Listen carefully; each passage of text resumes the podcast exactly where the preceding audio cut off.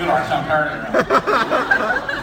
谢谢谢谢啊，老人花钱让我觉得特别不老忍啊。而且你说你们也不知道买东西，我还我。谢谢各位啊！老说观众是衣食父母一点儿都不假，能力一般，水平有限，承蒙各位这么支持，嗯，这么捧，是捧捧谁呀？嗯，哎喂，嗨，客气，捧相声。您的艺术，您的艺术就是人参果，对，怎么讲？三千年一开花，三千年一结果，哦，一分钟就烂了。对，对，搁不住我，我这相声简单，啊，是人就能干，是，不是人也能干，不是人也能干，干好了不容易，对，真的啊，嗯，因为它太简单了，无章可循，没有规律。你要说学京剧，学梅先生、学马先生、学气派、学美味，嗯啊，你就跟他那模仿就好了。学嘛，你能跟他模仿的一模一样，你就算对了。哎，我们这行要是模仿的一模一样，必死无疑啊！那就不对。太难了，嗯啊，而且来说拼到最后，第一是健康，嗯，第二是文化，是的，还讲想哎嗨，最重要是健康。嗯，四个说相声的对着骂街，你把这仨熬死了，你就是艺术家。哦，没人跟您抬杠。您在某种意义上来说，有话语权比艺术要强得多。是啊，这四个说相声啊，谁不服谁？哦，结果这个四十一死一个，五十二死一个，嗯五十四又死一个，哎呦就剩一个熬到八十九，他说什么是什么呀？没人抬杠。那当然了，健康很重要。健康，第二，文化也很重要。文化是最主要的，真的，列位啊，我们这行其他的都是过眼云烟。是吗？你说知名度，你说什么这些都是虚的。嗯，到最后，拼的是文化，哎，拼的是素质。我觉得谦儿哥文化就算是比较高的。哎呀，上过几年学而已。哎呀，书山有路勤为径，小海无涯苦奏舟。什么学问呢？这是哪儿这这全倒不是，就是您那个文化水平、艺术特长，在我们这行业里，嗯您算得上是阳春白雪。啊阳春的呀，阳春白雪就说过了廊坊没到天津，还是那阳春，阳春阳春白雪。阳春白雪对对对，谈不谈？有学问，没有没有，可是人家家里边人有学问，家里边有上过学，老爷子老太太有老太太，嗯，他母亲是吗？清华大学物理系的教授，哎，学物理的，戴金丝眼镜儿，是多在上家去，老太太都写东西，啊，有论文，七十多岁人天天还坐那写。嗯，你瞧瞧我们来了，放下笔，摘眼镜儿，嘿，都来了，哎，什么味儿啊？快坐着这跟慈禧太后一样。坐着，接水做饭吃饭，烙饼炒鸡蛋，吃饱玩的谁不许走谁走王八蛋。哎，这好家伙，这是学物理的教授啊，这是。咱们听了心里热乎乎的那是啊，老太太疼人呢，是，这个家庭能出来差样的孩子吗？哎，家教，文化水平很高啊。上学吗？就是说实话实说，他高峰、孙越，就我们这一大堆说相声里边啊谦儿哥，我觉得啊，不是我捧啊，人算是这份儿的。您 袖口里是什么手势？不是，这没看见呢，你这改机器包了。哎，行了，哎，啊，无法表达我内心对您的崇敬。您别那么客气。每次见着谦儿哥，我老觉得惭愧，怎么了？不知怎么尊重人家，看见谦儿了，我就发自肺腑啊 热热乎乎的，哎，您见我那么恶心呐？一点儿我都不留着，我告诉你，都没瞪眼是吧？哎，好，多恨我。尊敬而且崇拜，哎，谈不到，您别那么真的啊！我当然我也是喜欢研究，您也喜欢研究啊？啊因为这些年因为在文学领域哈，我你先等，你先把这大褂撂。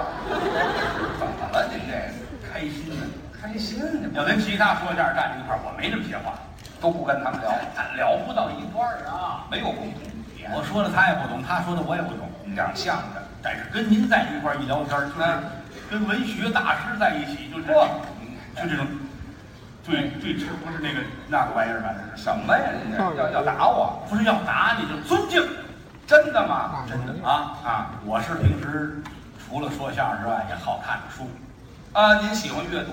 好研究，好啊。嗯，《三字经》百家姓儿，嘿，十里河、二龙路、嗯，大不了我都念。哎，好，沾数目字儿您全去了。哎，五经四书啊，一肚子都是。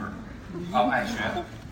啊，五经吧，经四书，好好摸摸。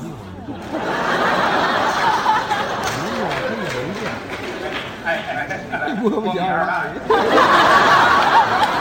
像话吗？你什么叫摸四叔啊？哎，膈应人。我怎么叫膈应人？真的啊，就你这样就没法交朋友。我呀，说文言词儿，你就记几个玩儿去吧。这没有这文言词儿，这个你看，其实就看不起我。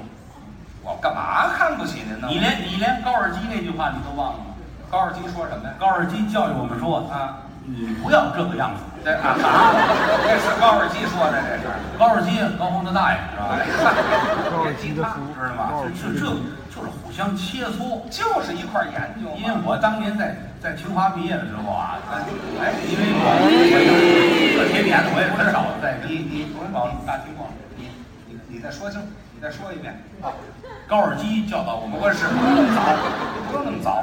那个，您大学毕业，哎，这个我我倒是也不骄傲，因为什么呢？凭什么教啊？没哪儿你就教啊？我先问问您，您哪个大学毕业的？刚才说。哎，我那不行啊！哪儿？你刚才说哪个？刚才您吐露出来了。差不多啊。什么叫差不多？不是你说这大伙儿没听清楚。哪个大学没毕业？劲，我去去去。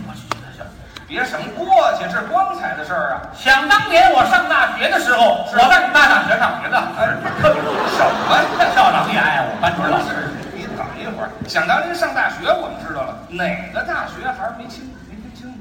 再说一遍，您刚才就说了一遍。我再说一遍啊啊行记住就记住了啊啊！再问你就是个狗，听见了吗？你只要说清楚了，我在清清清华清华上学啊，你说清楚干嘛那么含糊啊？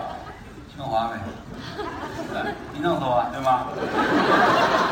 有枪毙的罪官，嘿，哎，好，太不自信了这角儿。清华，你清华石那会儿因为听着底下人说清华石的，啊，你要再去我搓搓你！哎，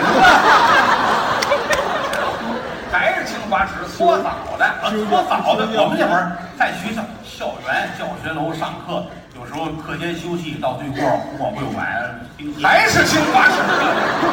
不光会馆对过的，还是清华池啊？这呀，你问问我，我有外号，您叫我虎方桥一霸，哎，这清华池的。辐射菜市口都归我管那地儿。马边街、马边巷，什么话？清华嘛，清华分校。有分校嘛？这你说对没错，就是那个古堡对过啊对过后头那儿，对吧？我们这清华清华分校，我们那个叫就学校叫叫温暖，烧锅炉的呀，我在锅炉后头啊。倒脏土的。你有有啊？不是，您这越说越不像话了。我跟你说，你是没在学校碰见过啊？哎，我我弄不死你！哎，你也是搓死人。真的，我告诉你，我都都工具知道吗？我把这叫哎，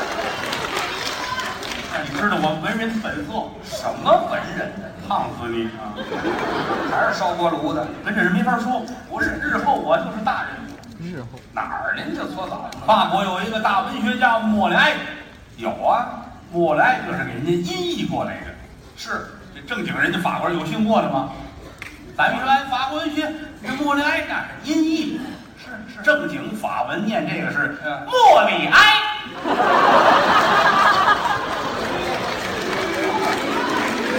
不管您坐在哪一个位置，啊，每一个字儿清清楚楚，坐在那耳边，哎呦，莫里埃行了，还是说相声的。您这是法国人念的，没错啊，正经的画过画吗？啊，法国发画法法法法法，法法国，法国，法国，对，哎，您这还是先吧莫里哀了以后我就是中国的默哀，啊，这是死人了。哎，哪儿大文豪不哀呀？见着您谁都默哀，哎，那错不了，错不了。那还是死了。什么死了？中国是有文豪，我前面那我比不上啊，哦后边你看过，前面赵树理、哦，老舍，老舍老舍老舍，老舍，对吧？受得了？曹偶是吧？曹曹曹什么？还还还吹偶，我跟你说，曹禺曹啊，曹禺，曹禺啊，嗯，张恨水，哎呀，多骚气！恨水这都是民国的那会儿，民民国民国的您就过来挨念对了，我那会儿法语教的好嘛，没听说过是不是？啊没事我净净研究，因为要做一个出色的文学家，列位要飞呀？怎么了？你这是？上样啊！因为当你要是想做一个正经的文人，哎，呀还是喝不是不用给习惯动作，你。有点讨厌，哎，我操！啊！说不死你，我告诉你。我实在不相信您能跟张恨水在一块儿。这样你这字儿都念偏了，张恨水，人人家本身这张嘴，您您您您爱念什么念什么。服吗？嘿嘿您这这个我怎么的我就非服你我我说句良心话，啊？我很少跟这个他这样的人打交道，因为平时跟我在一块儿都是那些个什么文史类的专家，没事，比如说，哎，看有那个，看啊，电视上文史上老有这这这这些个专家，文史专家，有那个赵某某、赵某某，王某某、孙某某，还有李某都在一块儿。您 接触的文史专家都不敢报自个儿全名，保密，这保什么密？怕警察逮着？保密，我们这这就是文人呐，他要愿意要这劲儿。有一电影吗？啊保密局的枪声，哎，这呵，枪声哎，这都是文史文文学历史吗？文史哎，我们这个文文史不分家，这。那还分什么家？就一个地方。你说我们在一块儿聊天也是，这嗨，咱们呢人不亲屎还亲呢，对对对，研究什么都有，啊，有的就是研究那个那叫史前跟踪，对啊，得，知道人家拉哪儿。我后来主要就是来那个遗址搜寻，你得给人搓了。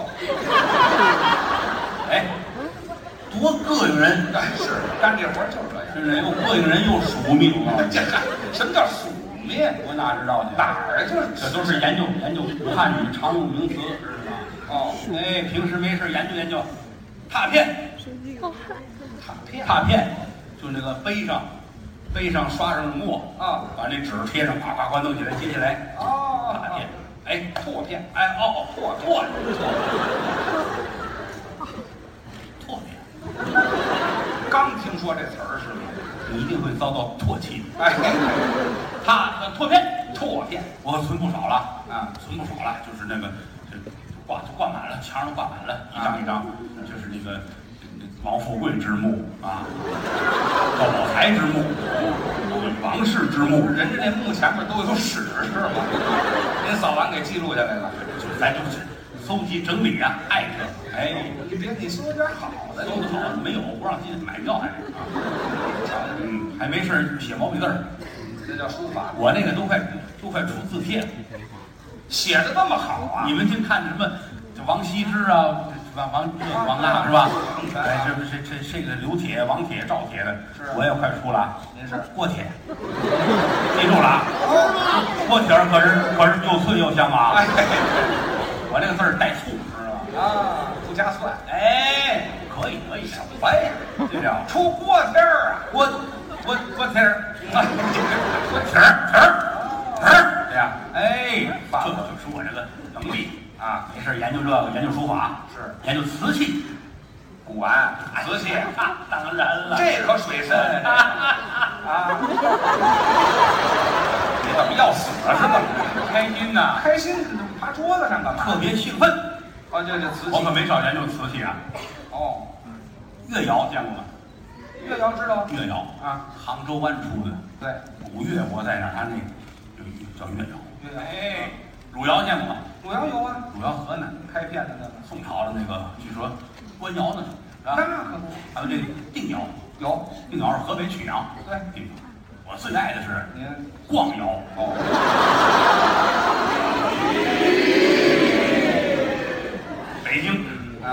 前门大栅栏。哎，就那有几趟街胡同全出这个呀，到这哟美的不行不行。哎，您研究这是瓷器吗？这哎呀，都可瓷器了跟我。哎，我一到那儿，他们都欢迎我。您研究这个，哎，跟瓷器都不挨边儿怎么不挨边儿啊？啊？我现在正满处找呢，找什么？找点那个不错的呀，有个基础、有个样儿的。嗯跟着我，把我这身能耐、这些个技巧，不管是文字呢，拓踏踏实拓，哦，错，拓拓拓片的啊啊，什么这乱七八糟的，反正我就都愿意，我就都教给他。无论是谁跟我学，我就拿他当亲儿子一样。您这是要收徒弟？哎，哦，这叫徒弟。您这研究怎么研究的这个史啊？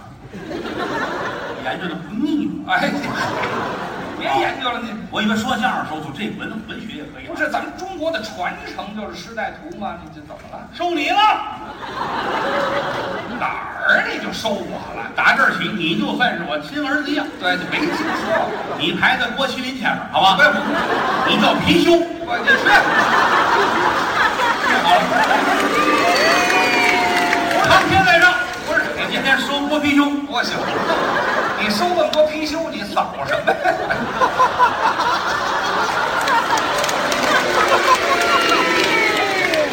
我给你你收你不用收，上我这去。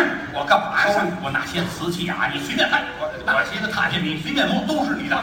毛笔你写呀，我那个大些毛巾都是你，你随便你。想怎样就我我。我求您了，行不客气，哎，我求您了，你说我不能卖，您也别收我，我愿意收愿意收你不用收我，为什么我我我这个慢行，满屋窑器，那瓷都是你的，大不用不用各式各样的都是你的。不用你说谢谢您吧。怎么了？我跟您学不了，为什么？不是那细致人，粗鲁人一个。您粗鲁啊？对，哦，我这是个莽撞人。你到底是粗鲁是莽撞？行，后边你又粗鲁又莽撞，那坏了啊！什么？换人，换人，活的。换人不行，别人不像亲的。我来。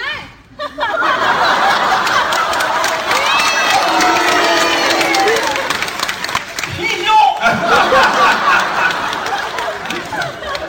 看见了吗？啊，看见了吗？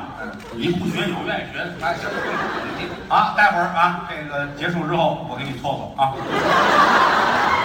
哎，你就他们都走了，都走之后你脱好了，跟这等着我啊。啊，先等会儿吧。哎，我让他们您这要开始研究瓷器了是吧？没出去逛去我太这行了，莽撞人，莽撞人，嗯，莽撞人你比不了。对，怎么？那是一位古人，古人。后汉三国里嗯，有一位莽撞人。哦，自桃园三结义以来，大爷姓刘名备，字玄德，家住大树楼桑；二弟姓关名羽，字云长，家住山西蒲州解良县；三弟姓张名飞，字翼德，家住涿州范阳郡；后续四弟姓赵名云，字子龙，家住真定府常山县，作战过胜，号称为常胜将军。字节音，长坂坡前一场鏖战，那赵云单枪匹马闯入曹营，砍倒大都连杆，夺槊三条，马落陷坑，堪堪废命。曹孟德在山头之上观瞧，见一穿薄小将，薄盔薄甲薄旗靠，胯下不龙驹，掌中亮银枪，实乃一员勇将。当下就有爱将之意。旁有徐庶暗中保护赵云。那徐庶自进得曹营以来，一语未发。今见赵将军马落陷坑，堪堪废命，口尊丞相，莫非有爱将之意？曹操言道：“正是。何不收留此将？”曹操闻听，急忙传令，令出山摇动，三军听分明。我要活赵云，不要死子龙。倘有一兵一将伤损赵将军之性命，八十三万人马，五十一员战将，与他一人抵命。众将闻听，不敢上前，唯有后退。那赵云一仗怀春有主，二仗常胜将军之特勇，杀了个七进七出，这才闯出重围。曹操一见这样勇将，焉能放走？在后面紧紧的追赶，追在党阳桥前，张飞赶到，高叫四弟不必惊慌，某家在此，料也无妨。让过赵云的人马，曹操赶到，嗯，不见赵云，只见一黑脸大汉桥头之上，忙问身旁夏侯惇：“这一黑脸大汉，他是何人？”夏侯惇道：“此乃张飞。”一猛撞人，曹操听。想当初关公在罗马铺斩颜良、诛文丑之时，曾对某家演讲：“他有一结拜三弟，姓张名非子翼德。过往军中取上将首级，如探囊取物，反掌关文。今日一见，果然英勇。来呀，撤去某家青罗伞盖，问一问猛撞人武艺如何？青罗伞盖撤下，但见张飞抱头环腿面如润铁，黑如透亮，眼中透黑，海下扎扎杀一本黑钢人，犹如钢针，恰似铁线。头戴冰铁盔，二龙斗宝，朱缨飘洒，上前八宝，轮罗伞盖，花冠云长，身穿锁大叶连环甲，内衬宝袍，伏登虎头战靴，胯下万里烟云手，掌中丈八什么？与桥头之战，萧然这时捶胸愤恨，大骂曹操听人。嗨，你家脏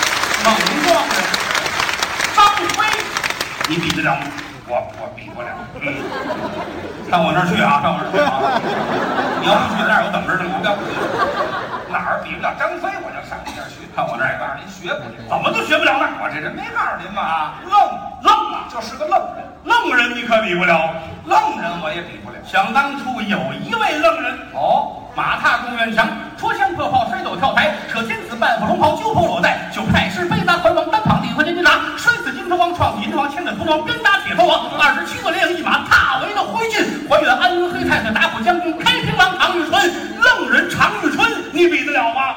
哦，愣人我比不了。我看你也不是愣人呐，我是你是个浪人呐。